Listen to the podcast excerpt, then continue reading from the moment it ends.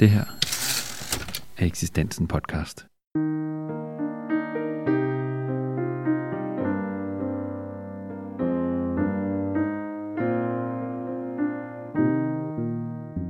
Vil du høre en god historie, så bliv hængende her. Den her, den handler både om mod, om kærlighed, om tro og om at møde en kultur, der er ret forskellig fra den, vi kender i Danmark. Min morfars søster. Og det er altså min fars, faster Sofie, var lægemissionær i Indien og boede i Indien i 1919 til 1968.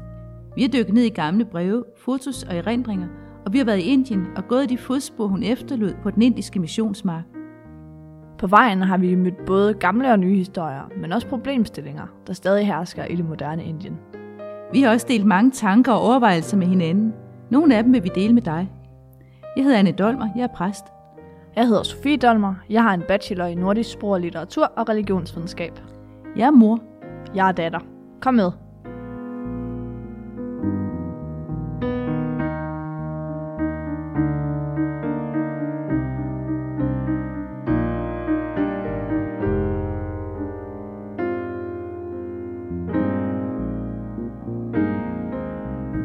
Alle historier har en slutning, også denne podcast. Det her det er sådan et afsnit, hvor vi samler alle trådene fra de andre afsnit, og hvor vi siger farvel til Sofie. Du kan se billeder til dette afsnit af vores podcast på Instagram under hashtagget Kvinden er kaldet 5.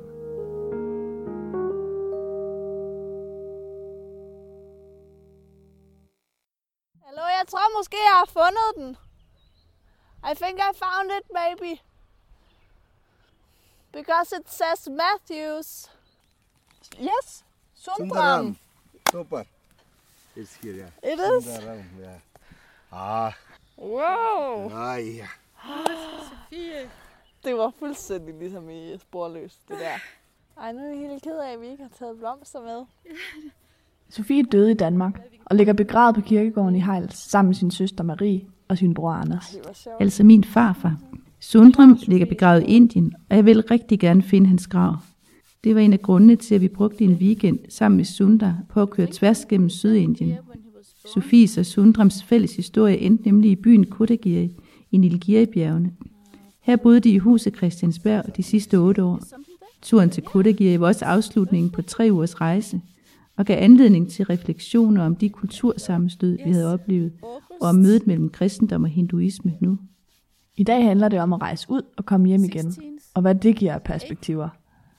Men først skal vi lige have slutningen på Sofies tid i Indien. Det var ikke altid lige nemt.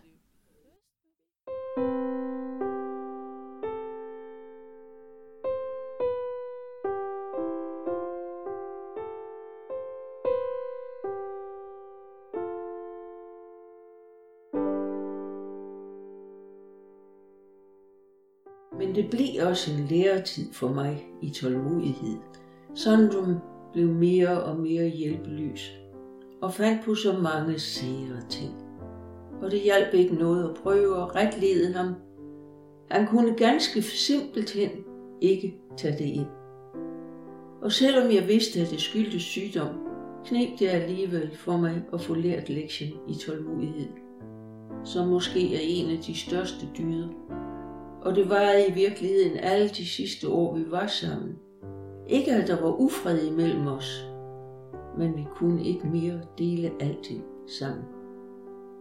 Det gik jævnt ned ad bakke, og 19. maj 1968 døde han stille med fred. Næste dag blev han begravet under stor deltagelse af alle danskere, som var deroppe på ferie på den tid. Og det var netop midt i bjergtiden og det var tak til Gud mere end sorg, der fyldte mit sind.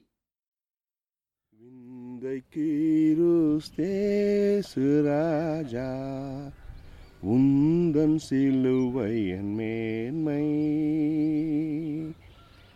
உந்தன் சிலுவை என் மேன்மை சுந்தர Det lykkedes os jo faktisk at finde kirkegården. Vi ledte godt nok først på den forkerte. Men når man bare spørger, er der altid nogen, der ved noget, og kan vise vej til det rigtige sted. Da vi havde fundet graven, fandt Sundar aske, bregner og papir, og han begyndte at gnide det mod den gamle indskrift, så bogstaverne kom frem. Jeg plukkede nogle vilde blomster og lagde på stenen, og Sunda sang en meget smuk salme på Tamil. Jeg kunne mærke mor sidre, som hun altid gør, når hun bliver bevæget. Det blev jeg måske også selv. Bare en lille smule. உந்தன் சிலுவையின் மேன்மை திரண்டாஸ்தி உயர்ந்த கல்வி செல்வாக்குகள் Vi fandt graven, og vi fandt Sofies gamle bungalow, Christiansberg. Men vores rejse til Kottegiri er egentlig et ret godt udtryk for vores rejse generelt. Vi følger Sofies fodspor, men ender i andres. i Kotagiri på Hotel Heavenly Stay, som egentlig ikke var så himmelsk, som det lyder, sad vi lørdag aften og måtte lige vende dagen lidt trætte. Guru Sainoki Pakayanaki Uriya Perumaya Umarpame Det har været en ret skør dag. Ja, jeg synes, det har været endnu et eksempel på det der med, at vi tror, at der skal ske noget, og så sker der noget helt andet. Mm. Og vi fandt nærmest ikke nogen spor fra hende, men de spor, vi ligesom fulgte, de skabte bare nogle helt nye fortællinger. Er nogle ret vilde fortællinger i virkeligheden. Mm. På hospitalet, hvor vi tog sådan et long shot og bare gik efter den ældste sygeplejerske i håbet om, at hun vidste noget. Og så bliver vi viftet ind på sådan en, et lille rum, hvor hun er ved at undersøge en patient. Så ligger der en mand der bare med sin store mave, som hun sidder og scanner. Og så ligger han bare og vinker, og ja, ja, I kommer bare ind. Så Jeg står vi der, fire mennesker, og snakker hen over hovedet på ham, imens hun sidder med den der dimsedut på hans mave. Jeg vidste, hvad han har fortalt, da han kom hjem. Men så da vi kom op til Sofies bungalow, som så er blevet, hvor det før var fire bungalows, så er det blevet slået sammen til et stort, lækkert hus. Og så viser det sig, altså de kan jo heller ikke sige noget, så der er der også sådan dødt spor. Men så kommer der også en ny historie der med ham her, den 70-80-årige inder, der i 40 år har studeret vedderne, øh, de oldindiske tekster, for den videnskab, som de indebærer, og har så, er så kommet, har så arbejdet på den her øh, magnetiske maskine, som skal lave evig energi. Ja. Og det er hans plan, at den skal øh, forsyne hele Indien med uendelig energi. Så satte han den der maskine i gang, som larmede, og Jeg havde sådan, ej nu, det nu eksploderer det hele. Jeg var sådan næsten lidt skræmt over det, også fordi jeg tænkte, er det her, er det en galning, eller har han lavet en helt fantastisk opfindelse? ja, vi ved det jo stadigvæk ikke. Nej, det ved vi ikke. Det finder vi aldrig ud af.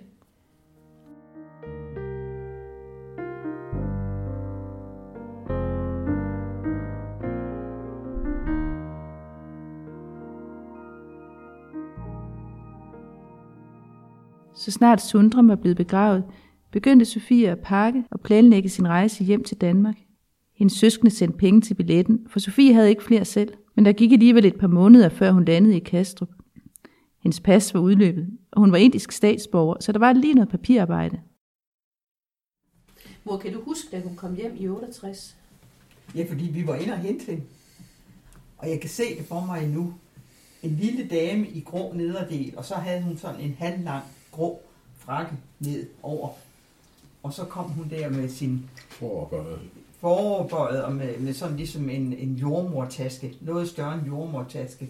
Ja, en lille grå dame, der simpelthen kom. Det var den største version, jeg havde, da den der kom gående i Græsborg. Ja, ja. Hun, hun skriver her, øh, da hun kunne lige at komme hjem nemlig, så skriver hun, at det kom, det kom hurtigt over af trætheden i forbindelse med rejseri. Og min Marie har været ualmindelig skikkelig. Skikkelig. Ja, det er fint. Jeg tror, det rammer lige plet. Ja, ja. Det er fint. Det er Men fint. altså, Faste Marie glædede sig virkelig til, at hun skulle komme. Ja, Ja, ja. det gjorde Ja, der var lavet mad og... Sofie flyttede ind på et værelse hos sin søster Marie i Hellerup. Det var to skrappe og selvbevidste damer, så det siges, at bølgerne af og til gik højt. Det er nok det, der er forklaringen på nevøernes skrin. Sofie var altså kommet tilbage til dansk sommer i 1968. Det var her, hun mødte mormor i lovkort frottékjole. Og første gang jeg, otte år gammel, oplevede et kultursammenstød, der sagde bare to. Og det er måske heller ikke så mærkeligt. For også vi oplevede kultursammenstød. Både ved at være i Indien og ved at komme tilbage til Danmark. Med fuglefløjt og forårssol satte vi os på en bænk hjemme i haven til en snak om alt det, som vi egentlig er ret glade for ved at bo i Danmark, og som vi nok ikke kommer til at savne ved Indien. Det er rart at have så stille. Jeg synes faktisk, øh, det er ret, at der ikke er affald over det hele, for eksempel. Selvom at der ikke var nær så mange plastikposer på vejen i Indien nu, som for nogle år siden. Ja. Der var godt nok stadigvæk meget. vildt meget affald. Men Og det- luften også er også helt ren og lækker og indånden. Og så er der ikke... Øh, altså, man kan gå fredeligt på gaden. Der er ikke øh, øh, hunde, som man ikke helt ved, at man skal være bange for, eller køer, man skal gå udenom, eller øh, høns, der render ud, eller børn. Mm. Ja, og man frygter ikke for, mit, for sit liv, hver gang man skal ud og køre. Vi følger ikke efter os i kæmpe flokke, hver Ja. gang vi er et eller andet sted. Du har slet ikke oplevet nogen, der har kommet og spurgt, om de må tage en selfie sammen med dig, siden vi kom hjem. Vi kan gå i det tøj, vi har lyst til. Og vi kan spise vores mad i ro og sammen med folk, i stedet for at der er nogen, der står og kigger på en, Ja. imens man bare bliver proppet. Og det er jo faktisk sjovt, fordi selvom de gør det for virkelig at være gæstfri, og virkelig vise, at de vil sørge godt for os, og nærmest skære maden ud for os, og putte den i munden på os, hvis det skulle være, så øh, foretrækker jeg da helt klart det, at man sidder rundt om et bord og spiser sammen. Ja. Men jeg tænker også en ting, at det ikke hele tiden er os, der har penge, og de andre, der ikke har. Det synes jeg faktisk også er en udfordring. Mm. Eller var en udfordring. Ja, det er hårdt hele tiden at blive konfronteret med fattigdom. Ja. Altså, det er også lidt mærkeligt at sige, ikke? Fordi det er jo ikke mig, der har det hårdt. det er jo dem. Men det er jo det, der er hårdt i det. Ja. ja.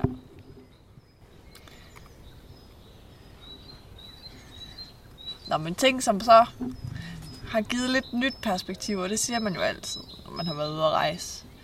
Men øh, altså, jeg kom i, i tanke om sådan en snak, som jeg havde med nogle af mine venner på et tidspunkt, hvor vi diskuterede det der med, om manden han skal slå toiletbrættet ned.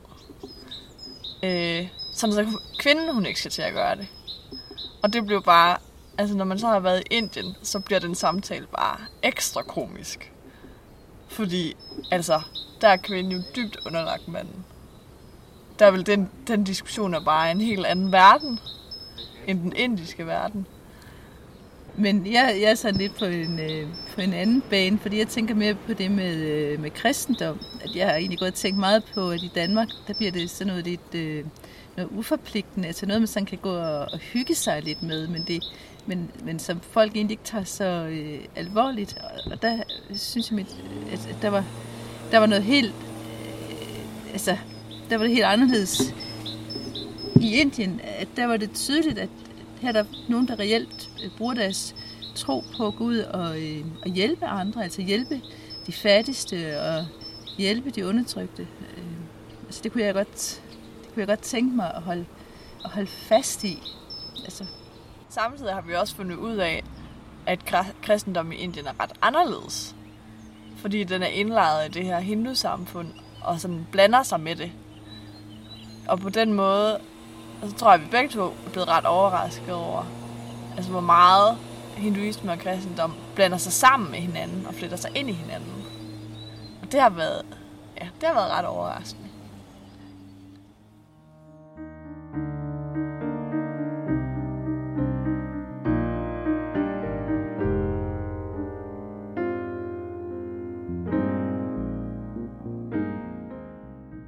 Vi vender tilbage til Indien og det overraskende mix, der kan opstå i mødet mellem kristendom og hinduisme.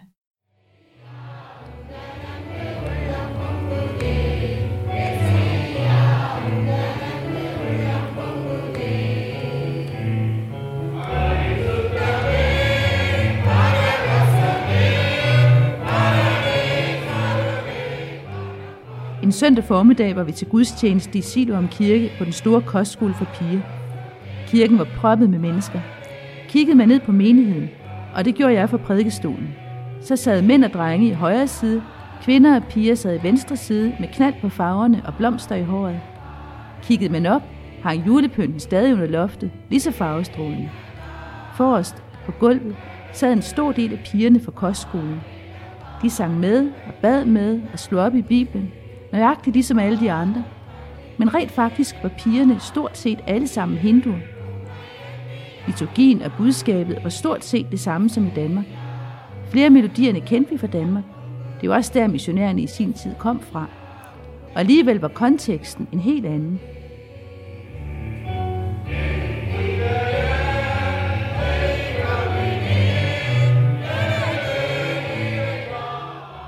I en Otto fortæller Jane Anita om pigerne på skolen og børnene i hendes menigheder på landet, som gladeligt går i kirke, selvom de er hinduer.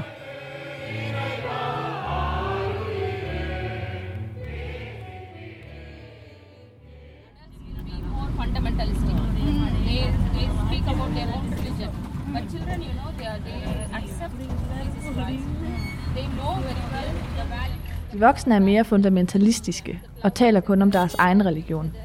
Men børnene anerkender Jesus Kristus. De kender de kristne værdier, som vi lærer dem. At elske hinanden, hjælpe hinanden, alle de der ting. Og de læser Bibelen, og de elsker at være børn af Jesus Kristus. Men når de går hjem, så tror de også på deres Gud. Vi tvinger dem ikke til at blive døbt som kristne, men de skal være mennesker. Kristne værdier er jo menneskelige værdier. Elsk din nabo, som du elsker dig selv. Det er det vigtigste budskab, som Jesus har givet til os. Pigernes forældre ser en forandring i deres opførsel, i deres måde at snakke på og i deres attitude. Så forældrene siger aldrig nej til, at pigerne kan gå i kirke. De tillader dem at gå i kirke.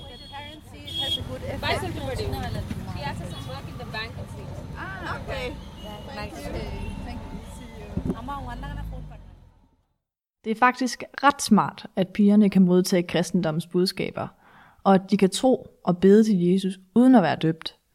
På den måde kan de både være praktiserende kristne og hinduer, og på den måde undgår de social eksklusion fra familien og samfundet, hvilket er det værst tænkelige, der kunne ske i et samfund, der er baseret på en kollektiv tankegang. De er ikke som os danske individualister. Så langt fra den religiøse fanatisme og nationalisme, som vi snakkede om i sidste afsnit, er der altså en åbenhed og en tolerance religionerne imellem. I en af de klassiske dommedagssnakke med Sundar, og altså, jeg kalder den klassisk, fordi dommedag er et tilbagevendende problem for mig. Jeg synes bare ikke, at det er særlig næstekærligt, at det kun er de kristne børn, der må lege med. Nå, men der kom Sundar faktisk med en meget god tanke i forhold til det der skæld mellem kristne og ikke-kristne. It's not Christians, uh, I believe. Uh, it's not Christians. It is people, those who live good life. I think they, they, it's, it's what it means. Because our job is Kristne er ikke bare kristne. Det er mennesker, som lever gode liv. Uh, make people Vores job er givet i Bibelen. Du skal gøre mennesket til dine disciple og døbe. Men jeg ved ikke, om det faktisk er dåben, der gør en person kristen. Der er mennesker, der har bedre kristne værdier end døbte kristne. Tror du ikke, de har en plads i himlen på dommedag? Det er jeg sikker på, de har. Det er Kristi sande kærlighed. Han er en person, som viser sin kærlighed og tilgivelse, og når du virkelig forstår det, så har du en plads. So this is this is the true love of uh, Christ. He's not really a person. He is a person to show his love and forgiveness, and one who really really realizes uh, definitely have the. Det ville Sofie nok ikke have gået med til, men øhm, det tager vi lige lidt senere. For mig var det en ret overraskende erfaring, at der kunne være den her flydende overgang mellem at være kristen og at være hindu, og at dåben til synligheden ikke er så afgørende. Eller overraskende og overraskende. Da jeg skrev speciale på teologi for 30 år siden, skrev jeg netop om en missionær, som i øvrigt var samtidig med Sofie, der problematiserede dåben i Indien, og derfor kom i konflikt med sin grundviske støttegruppe i Danmark. Problemets kerne lå i forskellig kontekst. I Danmark var og er dåben indgang ind i et fællesskab af døbte, som består af de fleste danskere. I Indien betød og betyder dåben, når det er en hindu, at man ryger ud af fællesskabet, både i familien og i landsbyen. Så det er egentlig overraskende nu i Indien, at den selvfølge, hvormed for eksempel Jane Anita kunne fortælle om sine piger som hinduer og som kristne i samme åndedrag. Men egentlig så tror jeg, jeg vil nøjes med at tage det til efterretning, og ikke dømme, om det er rigtigt eller forkert, at hindupigerne til søndagsgudstjenesten og alle de andre piger ikke bliver døbt.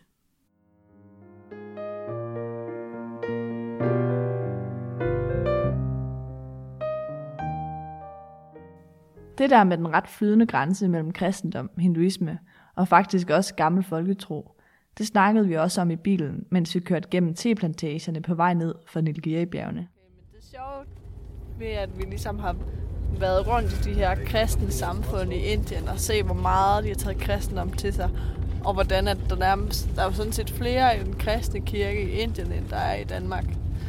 Øh, og hvordan de virkelig, altså de har virkelig taget kristendom til sig. Thank you. Samtidig så, så hænger de jo stadigvæk fast i nogle af de der ja, gamle overtro. Altså vi var lige en smut på kirkegården i starten sammen med Jennifer. Og da vi kom tilbage, så fik vi bare at vide, at vi skulle vaske fødder og tage tre... Øh, tre gange vand på hovedet. Ja, fordi at vi kunne ikke komme ind i huset, før at fødder og sko og det hele var afvasket. Men, men det er et spørgsmål om ikke det er en, som siger, en gammeldags fremhed, som man også havde i Danmark for øh, 100 år siden, og som måske også findes i nogle kredse endnu, hvor man beder i mange situationer, og også der måske har en mere sekulariseret tilgang mm. til religion, og måske ikke har så mange ydre udtryk, ja. så, hvor det så sådan kommer lidt overraskende. Jeg tror helt sikkert også, at det er sådan en øh, landting her i Indien. Altså, det er jo ikke noget, man gør i byerne længere, men det er de der samfund, hvor man er stadig lidt bagud i tiden. Altså, det udgangspunkt, vi har haft, det er jo fra folk, som vi har mødt, som boede på landet. Ja, men jeg ved ikke, om man kan sige, det er gammeldags eller bagud. Jeg tror måske også bare, det er en anden, en anden fremhedstradition, end den vi selv er vant til. Men, men en, øh, endnu en ting, vi oplevede, det er jo det der med at tage jord fra busnavs oh, ja. grav, blande det med vand og smøre det på, der hvor man har et sår eller har ondt. Eller til såsæden. Til såsæden. Jeg blandede det i såsæden ja. og håbede, at så ville der blive mere frugtbart. Ja. For det var både hinduer og kristne muslimer, der, der gjorde det. Mm. Så jeg tænker, at det, det kommer af den samme, af den samme måde at tænke på. Mm. Men når vi så står ved Sundams grav, så bliver jeg også selv grebet. Og der kunne der jo godt være nogen, der grinede af det. Og synes, det var fuldstændig svagt. Ligesom vi ryster lidt på hovedet, når de mediciner bilerne. Mm. Ja, ja, men det er jo også en meget, det er rigtigt nok, det er jo også en meget konkret, et gravsted er jo også meget konkret. Ja, ja. Ligesom en bil af det.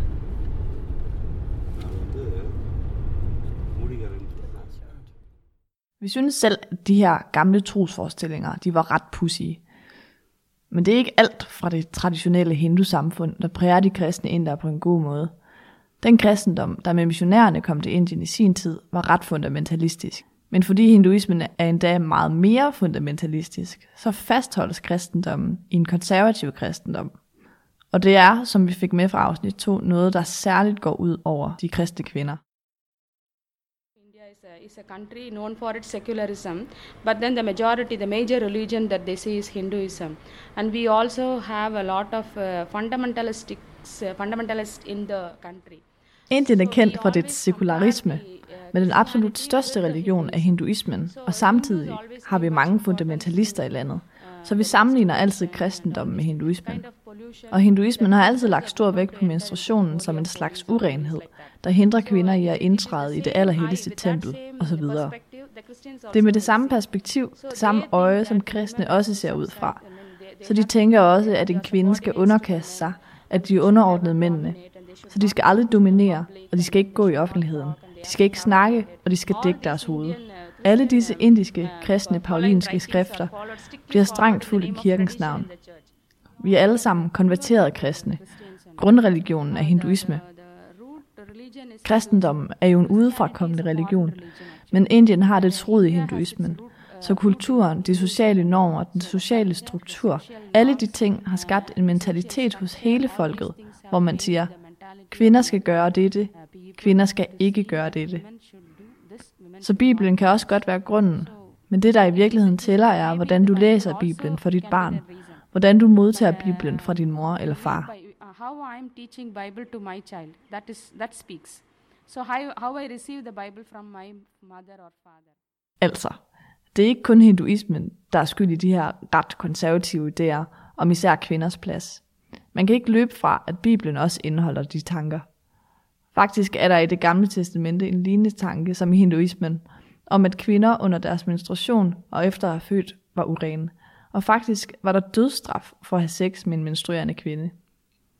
Hvis en mand har samleje med en kvinde med menstruation og blotter hendes køn, har han blotlagt hendes kilde, og hun selv har blottet sit blods kilde.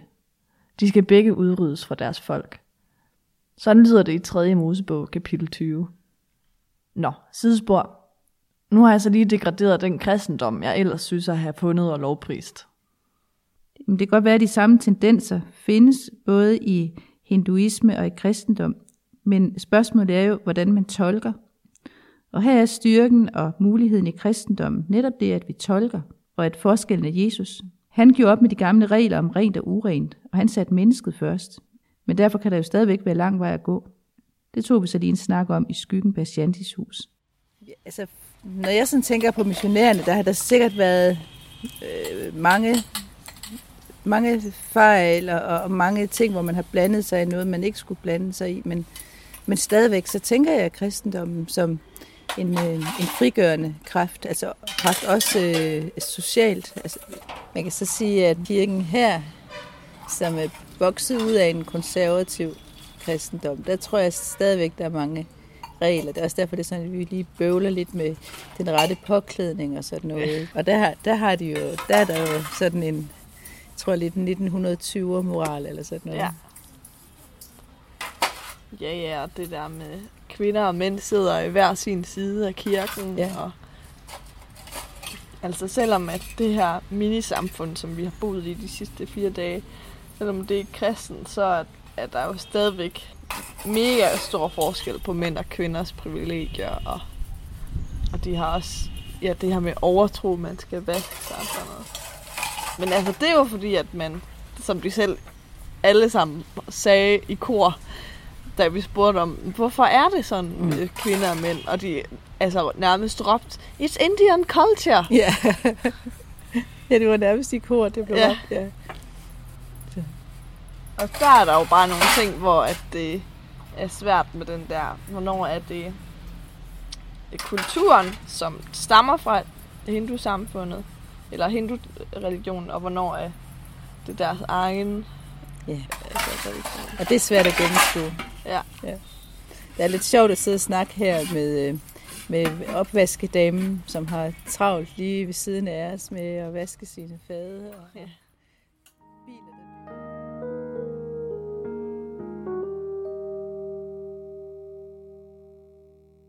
På mange måder har kristendommen i Indien slået rødder og vokser endnu, men samtidig lever de kristne, især på landet, stadigvæk i en hindu-tradition.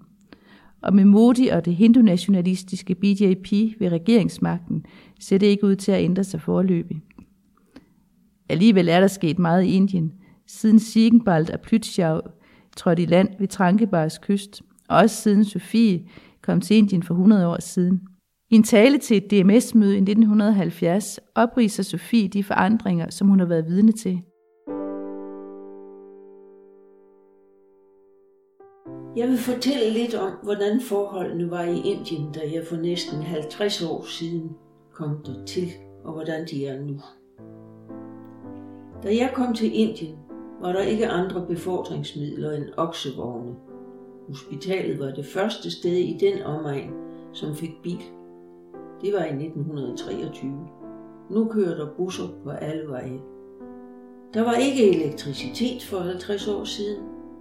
Vi brugte petroleumslamper, og på hospitalet stallygter på stuerne, under tiden også til operationer om natten. Først i 1948 fik vi elektricitet i Tirukoilur. Den betydeligste begivenhed i de år må vel siges, at Indien fik selvstyre i 1947, blev erklæret for republik januar 1948.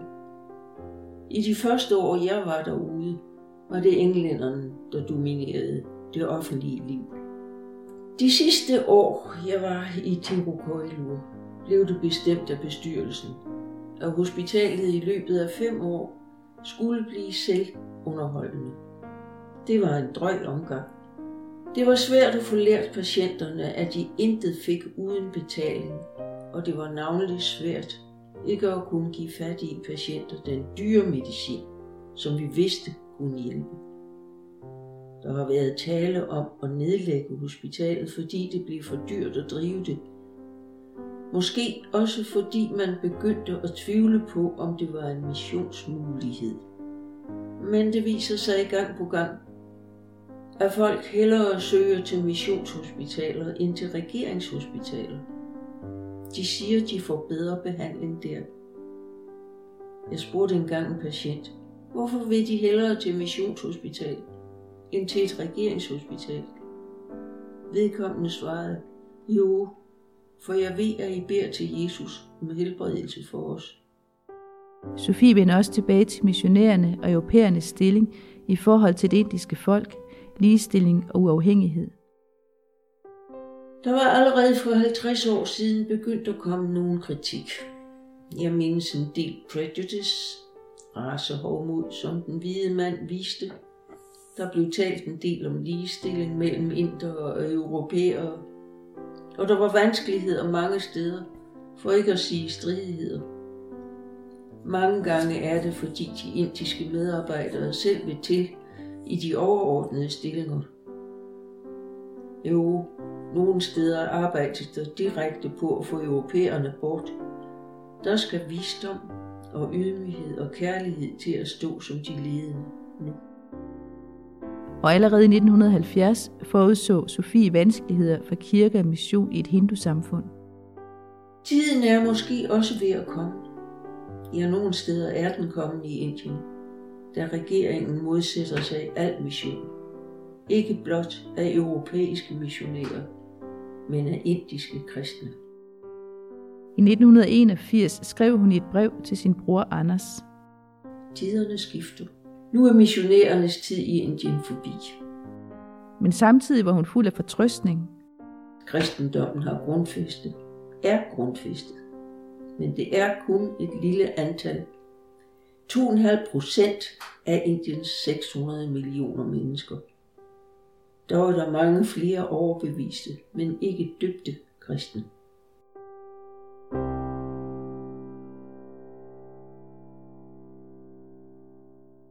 Det sidste er faktisk ret interessant. Sofie var meget konservativ, når det galt forståelsen af, hvad kristendom er, men selv hun kunne med selvfølge og accept skrive om ikke døbte kristne. Der er også sket meget i de 51 år, der er gået, siden Sofie vendte hjem fra Indien. Derfor var der i virkeligheden ikke mange spor tilbage, og kun få, der kunne huske hende. Men vi har alligevel fået en stærkere fornemmelse af Faster Sofies liv. Og jeg synes stadig, det er utroligt spændende. Til gengæld stødte vi på masser af nye mennesker, der uden videre åbnede deres dør for os og fortalte om deres liv. Selvfølgelig er der nogle ting, vi ikke savner, men der er også noget, vi tager med os. Sundar, Jananita, Shanti og hendes familie, Sundrams søskende børnebørn, 700 kostskolepiger, amne mødre, vores kok i gæstehuset, videnskabsmanden med evighedsmaskinen, og Shiva, der kører dig sikkert rundt i hele Sydindien. Og så det at vi hele vejen igennem blev modtaget med mad og gaver og hjælp en helt ubeskrivelig gæstfrihed. Vi har lært en hel del om det indiske samfund i dag. Vi har også lært en hel del om kristendom, og om hvordan kristendom kan have en virkning i det indiske samfund, på trods af alt det der med køn og kaste og tradition. Og så noget, jeg slet ikke havde overvejet på forhånd, det er at følges ad mor og datter i tre uger, og alt det, vi har oplevet sammen, og set og tænkt og snakket om, og grinet af og undret os over. Det har været helt fantastisk. Nu får du lige en krammer. Ah. Nå. Vi satte os lige ud i haven igen og snakkede videre. Er det noget, du vil sige, som du har lært af kristendommen, vi har set i Indien? Ja, jamen, jeg tror bare, det er blevet endnu mere tydeligt for mig, øh, at det afgørende ved kristendom, det ikke er en bog eller en lære eller nogle traditioner, men at det handler om det liv, vi lever sammen. Altså noget med at tro også er handling. Jamen, jeg synes helt klart, at jeg har fået et nyt syn på Jesus som et symbol på vores måde at være i den her verden på. Fordi ved siden af min opvækst i vores familie, som egentlig havde et sådan ret afslappet kristendomssyn, så var jeg også omgivet af et indre missionsk område, der hvor vi boede. Men jeg delte bare aldrig deres syn på kristendommen. Altså det der med Gud og himmerige og dommedag, det blev bare alt for konkret for mig. også det der med at føle Guds nærvær, og at Jesus elsker mig og sådan noget. Altså, det, jeg blev sådan helt klaustrofobisk af det. Så altså, min, min kristendom, det er ikke, det er ikke at blive aftenbøn. Og jeg går desværre ikke særlig meget i kirke, og jeg har aldrig rigtig sådan oplevet det der med Guds nærvær lige nu. Og i virkeligheden, så tror jeg heller ikke, at jeg tænker så meget over min tro. Men det er mere, altså for mig er Gud mere sådan en, en grundtone i måden, jeg er i og ser verden på. Så det er nærmest sådan et slags allestedsnærværende tæppe af tryghed. Og det er meget abstrakt. Men på vores tur til Indien har jeg bare fået den konkrete kristendom med i den her revurdering, eller det her nye syn på Jesus, og hans måde at agere i verden på. Og det vil jeg ligesom bruge som en måde hos mig selv på det vigtige ved det mindste, at forsøge at være et godt menneske. Og selvfølgelig kan man være et godt menneske, uden at være kristen. Øh, men det smarte ved kristendom, det er bare, at den hjælper en til at huske at være et godt menneske. Og i den her travle, stressede tid, der er der bare mange ting, man glemmer. Jeg tænker på nu, hvor du siger det der, at der er også en bevægelse for den der grundtone af at være pakket ind i et trygt tæppe. At på en måde, så er du jo også blevet pakket ud af det tæppe nu, og har opdaget, at der faktisk er nogle mennesker. At, at kristendom, det ikke kun er selv at finde tryghed, men at det faktisk også er at gøre noget og give tryghed. i verden. Ja. Give tryghed. Mm, det er rigtigt. Mm. Tænker jeg lige på. Ja. Mm, det har været spændende at følges med dig i dine overvejelser og på din rejse. Ja, jeg har også brugt dig meget, vil jeg sige. ja. Til at komme ud med mine frustrationer. Ja, jamen, det har været en fed del af den her. Altså, det har været, det har været inspirerende og spændende. Og Ja. til, en del af rejsen, som jeg slet ikke havde forudset på forhånd. Mm. Ja, heller ikke mig Nej. overhovedet. Mm. Måske har det været noget af det vigtigste i virkeligheden. Ja. Men hvis nu du tænker sådan ud over det, hvad vil du så sige, at du har lært af at være i Indien? Jeg tror, det er noget med gæstfrihed og tid. Altså, at det har været så vildt, den måde mennesker øh, har taget imod os på. Så jeg, så jeg bare får lyst til at blive et mere generøst menneske. Altså, Mm. øh, og det, jeg ved godt, man kommer altid hjem opfyldt med alt muligt. Nu skal det være anderledes, og nu vil jeg tage det roligt, og nu vil jeg dit og dat, ikke? og så ryger man ind i hverdagen igen. Men jeg vil virkelig, virkelig gerne holde fast i det med os selv at være klar til at give andre min tid. Mm. Øh, ja, virkelig. Ja. Jeg tror, at jeg er blevet mindet om, at jeg skal være opmærksom på folk, der har brug for hjælp. Fordi at i vores danske samfund, der viser det sig bare ikke særlig tydeligt, når der er nogen, som ikke har det godt. Jeg har faktisk for nylig lært et ret godt ord. Indelegering. Som handler om, at i stedet for at vente på, at der er nogen, der uddelegerer en opgave eller et ansvar, så må man selv opsøge det ansvar. Og det kan man jo gøre i mange forskellige former og i mange grader. Og altså, jeg kan jo ikke sidde og sige det her, uden jeg selv gør noget. Og det er ligesom der, den egentlige udfordring kommer. Go for it. Så igen, nu er der virkelig pres på. Ja. ja. ja.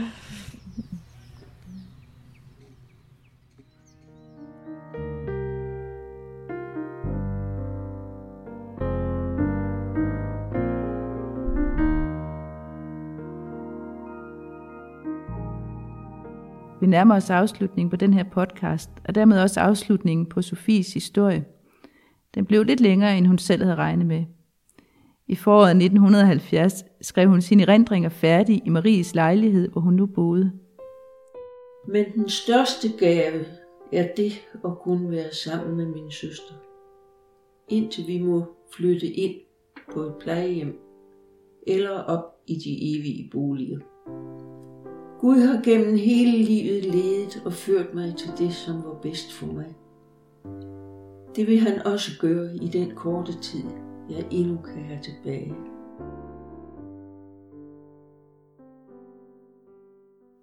Jeg har i mine levedage haft mange store prøver på, at Gud i fryd så vel som plage har ført mig, jeg bekende må.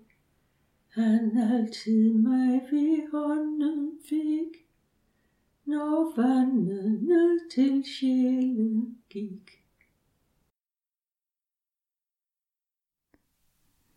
Sofies tro var urokkelig.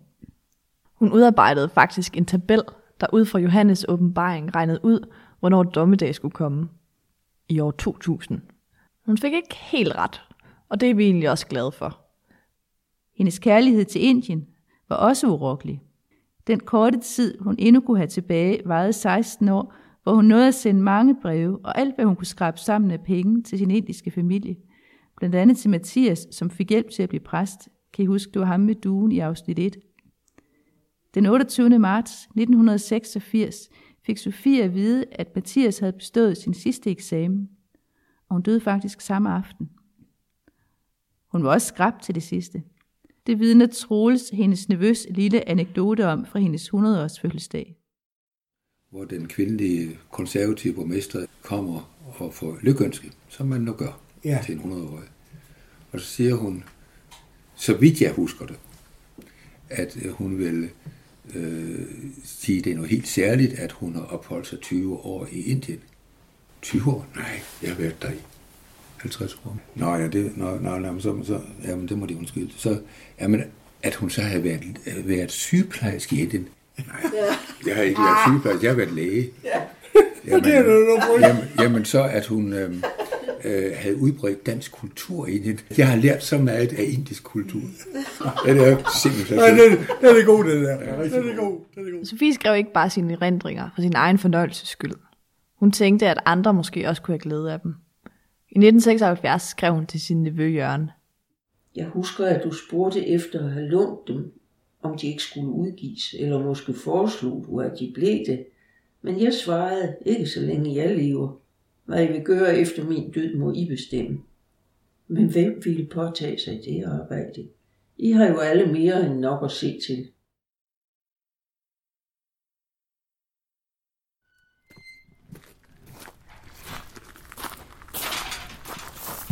Ved du, hvor det er, cirka? Ja, det kan jeg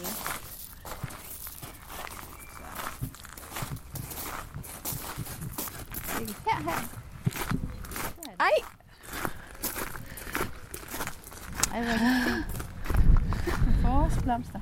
Anders Dolmer, Min farfar. Og Marie Dolmer. Sofie Matthews.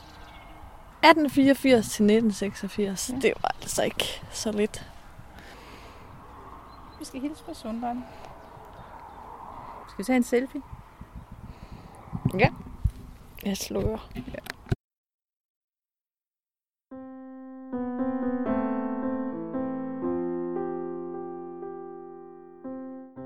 Dette var det femte og sidste afsnit i vores podcast Kvinden og kaldet. Tak fordi du lyttede med. Vi håber, du har hygget dig med historien om Faster Sofie. Og alle de andre historier, den åbnede op for. Måske har du ovenikøbet lært noget. Det har jeg.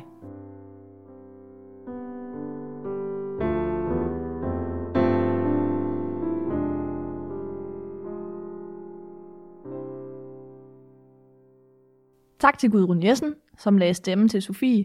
Tak til Simon Satterju for sød musik. Og tak til Anders for eksistensen, som tålmodigt hjalp med teknikken. Og tak til familie og venner i Danmark og i Indien, som har delt liv og tanker med os, så vi kunne lave den her podcast.